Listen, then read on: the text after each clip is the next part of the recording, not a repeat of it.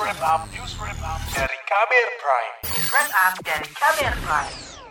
Klaim tersebut disampaikan Menteri Koordinator Bidang Politik, Hukum, dan Keamanan Menko Polhukam Mahfud MD usai menghadiri sidang delegasi Dewan HAM PBB di Jenewa, Swiss awal pekan ini. Menko Polhukam Mahfud MD menyebut Dewan Hak Asasi Manusia HAM Persatuan Bangsa-Bangsa PBB tidak menyoroti persoalan HAM di Papua. Bahkan kata dia, Indonesia menjadi salah satu negara yang dinilai tidak memiliki persoalan pelanggaran HAM dalam sidang Dewan HAM PBB. Kalau saudara buka apa websitenya uh, Dewan HAM PBB, Komisi Tinggi uh, uh, HAM uh, PBB yang pidato kemarin itu tidak ada. Indonesia itu bersih dari masalah Papua. Indonesia juga sudah tiga tahun tidak pernah disinggung persoalan HAM-nya di sidang-sidang Dewan HAM PBB. Sejak tahun 2020 sampai sekarang. Tapi di luar kan seakan-akan pelanggaran HAM itu menjadi sorotan PBB. Tidak ada PBB menyorot. Mahmud mengakui ada laporan dugaan pelanggaran HAM dari kelompok masyarakat sipil ke Special Procedures Mandate Holder SPMH. Namun laporan itu sudah dijawab pemerintah dan tidak sempat dibawa ke sidang Dewan HAM PBB. Hak asasi manusia HAM ialah hak yang dimiliki setiap manusia di seluruh dunia tanpa melihat suku, bangsa, ras, agama, dan status sosial.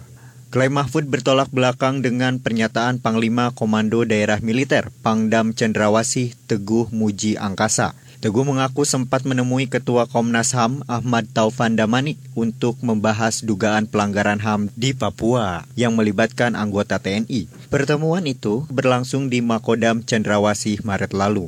Tidak ada hal-hal yang mungkin prinsip yang perlu kita bahas, artinya semuanya isu-isu yang diangkat biasa di daerah konflik itu adalah isu tentang HAM. Dan tentunya Komnas HAM kita ajak bersama-sama untuk melihat real seperti apa beberapa kejadian-kejadian yang pernah terjadi di Papua ini. Dalam catatan Komnas HAM, puluhan orang meninggal akibat kekerasan di Papua selama 2021. Catatan ini disampaikan Komnas HAM dalam konferensi pers situasi kekerasan tahun 2020-2021 yang digelar awal tahun ini. Kepala Biro Dukungan Penegakan HAM, Gatot Tristanto mengatakan, kekerasan kepada masyarakat Papua disebabkan Polri dan TNI maupun Tentara Pembebasan Nasional Papua Barat, Organisasi Papua Merdeka, TPN, PB, OPM. Berkaitan dengan situasi kekerasan di Papua sebagai fokus isu yang dipantau, selama tahun 2021 tentunya Komnas HAM mencatat terjadi sebanyak 53 peristiwa kekerasan di wilayah Papua yang dilakukan oleh Polri atau TNI maupun OPM atau KKB. Total jumlah korban mencapai 47 orang, di antaranya 24 orang meninggal dunia. Gatot menambahkan bentuk kekerasan yang terjadi di bumi cendrawasih berupa kontak senjata, penembakan, penganiayaan dengan senjata tajam, pembakaran hingga perusakan barang atau bangunan. Dalam catatan akhir tahun tersebut, Komnas HAM menilai eskalasi kekerasan di Papua sangat mengkhawatirkan pada 2021. Fakta yang disampaikan Komnas HAM sesuai kondisi terkini di sejumlah daerah di Papua.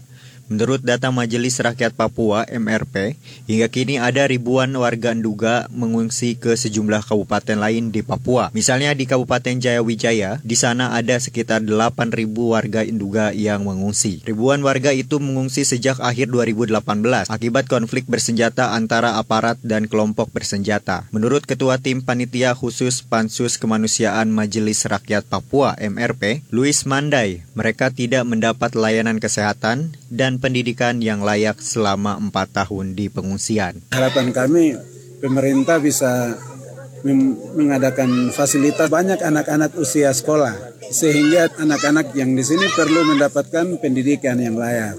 Misalnya mulai dari PAUD karena banyak usia PAUD atau TK, lalu banyak juga usia SD. Dan mereka ini punya hak untuk mendapatkan pendidikan yang layak. Ketua Pansus Kemanusiaan MRP Luis Mandai mengatakan, perlu kerjasama antara pemerintah kabupaten, provinsi, dan pusat untuk menangani pengungsi Enduga. Selain itu, belum lama ini MRP menginvestigasi dan memetakan pola konflik di Papua. Ketua Panitia Khusus Hak Asasi Manusia Pansus HAM MRP Markus Kajoi mengatakan, berdasarkan analisis MRP, setidaknya ada tiga pola konflik di bumi Cendrawasih. Demikian laporan khas KBR, saya Heru Haitami. Kamu baru saja mendengarkan news wrap up dari KBR Prime. Dengarkan terus kbrprime.id, podcast for curious mind.